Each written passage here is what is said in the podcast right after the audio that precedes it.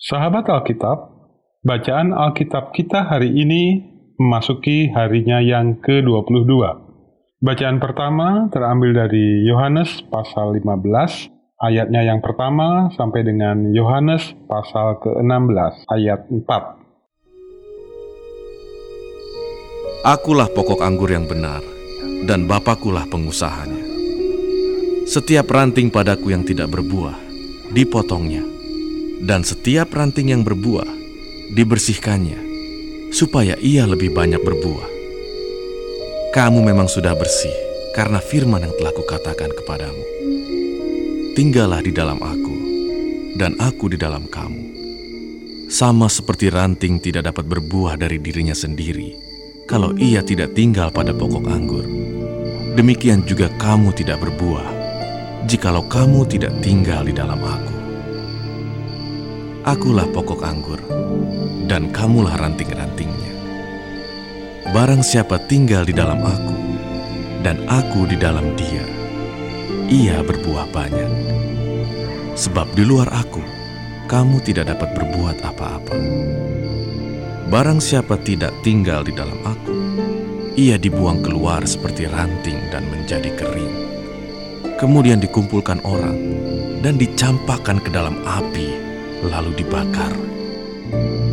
Jikalau kamu tinggal di dalam aku, dan firmanku tinggal di dalam kamu, mintalah apa saja yang kamu kehendaki, dan kamu akan menerimanya.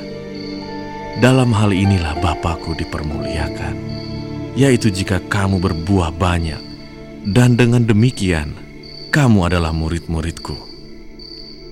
Seperti Bapa telah mengasihi aku, demikianlah juga aku telah mengasihi kamu. Tinggallah di dalam kasihku itu. Jikalau kamu menuruti perintahku, kamu akan tinggal di dalam kasihku. Seperti aku menuruti perintah Bapakku dan tinggal di dalam kasihnya. Semuanya itu kukatakan kepadamu, supaya sukacitaku ada di dalam kamu, dan sukacitamu menjadi penuh. Inilah perintahku, yaitu supaya kamu saling mengasihi, seperti aku telah mengasihi kamu. Tidak ada kasih yang lebih besar daripada kasih seorang yang memberikan nyawanya untuk sahabat-sahabatnya. Kamu adalah sahabatku, jikalau kamu perbuat apa yang kuperintahkan kepadamu. Aku tidak menyebut kamu lagi hamba, sebab hamba tidak tahu apa yang diperbuat oleh tuannya tetapi aku menyebut kamu sahabat, karena aku telah memberitahukan kepada kamu segala sesuatu yang telah kudengar dari Bapakku. Bukan kamu yang memilih aku, tetapi akulah yang memilih kamu. Dan aku telah menetapkan kamu, supaya kamu pergi dan menghasilkan buah, dan buahmu itu tetap. Supaya apa yang kamu minta kepada Bapa dalam namaku, diberikannya kepadamu. Inilah perintahku kepadamu. Kasihilah seorang akan yang lain. Jikalau dunia membenci kamu, ingatlah bahwa ia telah lebih dahulu membenci aku daripada kamu. Sekiranya kamu dari dunia, tentulah dunia mengasihi kamu sebagai miliknya. Tetapi karena kamu bukan dari dunia, melainkan aku telah memilih kamu dari dunia. Sebab itulah dunia membenci kamu. Ingatlah apa yang telah kukatakan kepadamu. Seorang hamba tidaklah lebih tinggi daripada tuannya. Jikalau mereka telah menganiaya aku, mereka juga akan menganiaya kamu. Jikalau mereka telah menuruti firmanku, mereka juga akan menuruti perkataanmu. Tetapi semuanya itu akan mereka lakukan terhadap kamu karena namaku. Sebab mereka tidak mengenal dia yang telah mengutus aku. Sekiranya aku tidak datang dan tidak berkata-kata kepada mereka, mereka tentu tidak berdosa. Tetapi sekarang, mereka tidak mempunyai dalih bagi dosa mereka. Barang siapa membenci aku, ia membenci juga Bapakku. Sekiranya aku tidak melakukan pekerjaan di tengah-tengah mereka, seperti yang tidak pernah dilakukan orang lain, mereka tentu tidak berdosa. Tetapi sekarang, walaupun mereka telah melihat semuanya itu, namun mereka membenci baik aku maupun Bapakku. Tetapi firman yang ada tertulis dalam kitab Taurat mereka harus digenapi. Mereka membenci aku tanpa alasan. Jikalau penghibur yang akan kuutus dari Bapa datang, yaitu roh kebenaran yang keluar dari Bapa, ia akan bersaksi tentang aku. Tetapi kamu juga harus bersaksi, karena kamu dari semula bersama-sama dengan aku. Semuanya ini kukatakan kepadamu, supaya kamu jangan kecewa dan menolak aku. Kamu akan dikucilkan, bahkan akan datang saatnya bahwa setiap orang yang membunuh kamu akan menyangka bahwa ia berbuat bakti bagi Allah. Mereka akan berbuat demikian karena mereka tidak mengenal baik Bapa maupun aku. Tetapi semuanya ini kukatakan kepadamu, supaya apabila datang saatnya, kamu ingat bahwa aku telah mengatakannya kepadamu. Bacaan kedua terambil dari dua Tawarik pasal 23. Tetapi dalam tahun ketujuh Yoyada memberanikan diri. Dan ia mengadakan persepakatan dengan para kepala pasukan seratus, yakni Azaria bin Yeroham, Ismail bin Yohanan, Azaria bin Obed, Maasea bin Adaya, dan Elisafat bin Sikri mereka mengelilingi Yehuda dan mengumpulkan orang-orang Lewi dari semua kota di Yehuda, serta kepala-kepala puak orang Israel, dan mereka semua datang ke Yerusalem. Lalu seluruh jemaah itu mengikat perjanjian dengan raja di rumah Allah. Kata Yoyada kepada mereka, Lihatlah anak raja, biarlah ia memerintah seperti yang telah difirmankan Tuhan tentang anak-anak Daud. Inilah yang harus kamu lakukan. Sepertiga dari kamu, yakni yang selesai bertugas pada hari sabat, baik imam maupun orang Lewi, haruslah menjadi penunggu pintu. Sepertiga lagi, haruslah berada di istana raja, dan sepertiga pula di pintu gerbang dasar. Sedang seluruh rakyat haruslah berada di pelataran rumah Tuhan. Siapa pun tidak boleh memasuki rumah Tuhan selain daripada para imam dan orang-orang Lewi yang bertugas. Mereka boleh masuk karena mereka kudus, tetapi seluruh rakyat haruslah mentaati peraturan Tuhan. Dalam pada itu, orang-orang Lewi haruslah mengelilingi raja dari segala penjuru, masing-masing dengan senjatanya di tangannya. Dan siapa yang memasuki rumah itu haruslah dibunuh. Dan baiklah kamu menyertai raja setiap kali ia keluar atau masuk. orang-orang Lewi dan seluruh Yehuda melakukan tepat seperti yang diperintahkan Imam Yoyada. Masing-masing mengambil orang-orangnya yang selesai bertugas pada hari Sabat bersama-sama dengan orang-orang yang masuk bertugas pada hari itu. Karena Imam Yoyada tidak membebaskan rombongan-rombongan itu. Lalu Imam Yoyada memberikan kepada para kepala pasukan seratus itu tombak-tombak, utar-utar, dan perisai-perisai kepunyaan Raja Daud yang ada di rumah Allah. Ia menempatkan seluruh rakyat, masing-masing dengan lembing di tangannya, di lambung kanan sampai ke lambung kiri rumah itu, dengan mengelilingi mezbah dan rumah itu untuk melindungi raja. Sesudah itu Yoyada dan anak-anaknya membawa anak raja itu keluar. mengenakan jejamang kepadanya, dan memberikan hukum Allah kepadanya. Mereka menobatkan dia menjadi raja serta mengurapinya. Lalu berserulah rakyat. Ketika Atalia mendengar pekik rakyat yang berlari-lari menyambut raja dan memuji-muji dia, pergilah ia mendapatkan rakyat itu ke dalam rumah Tuhan. Lalu dilihatnyalah raja berdiri dekat tiangnya pada jalan masuk. Sedang para pemimpin dengan para pemegang nafiri ada dekat raja.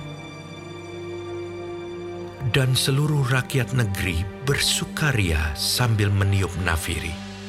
Sedang para penyanyi dengan alat-alat musik mereka memimpin nyanyian puji-pujian. Maka Atalia mengoyakkan pakaiannya sambil berkata, Hianat! Hianat! Tetapi Imam Yoyada menyuruh keluar para kepala pasukan seratus, yakni orang-orang yang mengepalai tentara. Katanya kepada mereka, Bawalah dia keluar dari antara barisan. Siapa yang memihak kepadanya harus dibunuh dengan pedang. sebab imam itu telah berkata tadinya, Jangan kamu membunuhnya di rumah Tuhan. Lalu mereka menangkap perempuan itu. Pada waktu ia sampai ke jalan masuk istana raja, pada pintu gerbang kuda, dibunuhlah ia di situ. Kemudian Yoyada mengikat perjanjian antara dia dengan segenap rakyat dan raja, bahwa mereka menjadi umat Tuhan. Sesudah itu, masuklah seluruh rakyat ke rumah Baal, lalu merobohkannya. Mereka memecahkan mezbah-mezbahnya dan patung-patungnya, dan membunuh Matan, imam Baal, di depan mezbah-mezbah itu. Kemudian Yoyada menyerahkan pengawasan atas rumah Tuhan kepada imam-imam dan orang-orang Lewi yang telah dibagi-bagi dalam rombongan oleh Daud untuk bertugas di dalam rumah Tuhan, yakni untuk mempersembahkan korban bakaran kepada Tuhan, seperti tertulis di dalam Taurat Musa, dengan sukaria dan dengan nyanyian menurut petunjuk Daud. Juga ditempatkannya penunggu-penunggu pintu pada pintu-pintu gerbang rumah Tuhan, supaya dalam hal apa pun juga jangan masuk seseorang yang najis. Sesudah itu, ia mengajak para kepala pasukan seratus, para pemuka, para pemerintah rakyat, dan seluruh rakyat negeri, lalu membawa raja turun dari rumah Tuhan mereka masuk ke istana raja melalui pintu gerbang atas, lalu mendudukkan raja ke atas tahta kerajaan. Bersukarialah seluruh rakyat negeri, dan amanlah kota itu. Setelah Atalia mati dibunuh dengan pedang.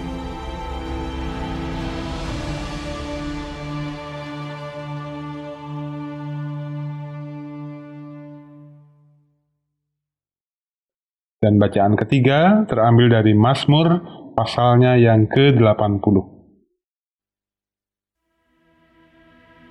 untuk pemimpin biduan menurut lagu Bunga Bakung Kesaksian Asaf Mazmur Hai gembala Israel, pasanglah telinga. Engkau yang menggiring Yusuf sebagai kawanan domba. Ya engkau yang duduk di atas para kerub, tampillah bersinar di depan Efraim dan Benyamin dan Manasye. Bangkitkanlah keperkasaanmu dan datanglah untuk menyelamatkan kami. Ya Allah, pulihkanlah kami. Buatlah wajahmu bersinar, maka kami akan selamat. Tuhan, Allah semesta alam, berapa lama lagi murkamu menyala, sekalipun umatmu berdoa. Engkau memberi mereka makan roti cucuran air mata. Engkau memberi mereka minum air mata berlimpah-limpah. Engkau membuat kami menjadi pokok percederaan tetangga-tetangga kami. Dan musuh-musuh kami mengolok-olok kami. Ya Allah semesta alam, pulihkanlah kami, buatlah wajahmu bersinar, maka kami akan selamat. Telah kau ambil pohon anggur dari Mesir, telah kau halau bangsa-bangsa, lalu kau tanam pohon itu. Engkau telah menyediakan tempat bagi dia, maka berakarlah ia dalam-dalam dan memenuhi negeri. Gunung-gunung terlindung oleh bayang-bayangnya, dan pohon-pohon aras Allah oleh cabang-cabangnya. Dijulurkannya ranting-rantingnya sampai ke laut, dan pucuk-pucuknya sampai ke sungai Efrat. Mengapa engkau melanda temboknya? sehingga ia dipetik oleh setiap orang yang lewat. Babi hutan menggerogotinya, dan binatang-binatang di padang memakannya. Ya Allah semesta alam, kembalilah kiranya, pandanglah dari langit, dan lihatlah. Indahkanlah pohon anggur ini, batang yang ditanam oleh tangan kananmu. Mereka telah membakarnya dengan api dan menebangnya. Biarlah mereka hilang lenyap oleh hardik wajahmu Kiranya tanganmu melindungi orang yang di sebelah kananmu. Anak manusia yang telah kau teguhkan bagi dirimu itu. Maka kami tidak akan menyimpang daripadamu. Biarkanlah kami hidup, maka kami akan menyerukan namamu.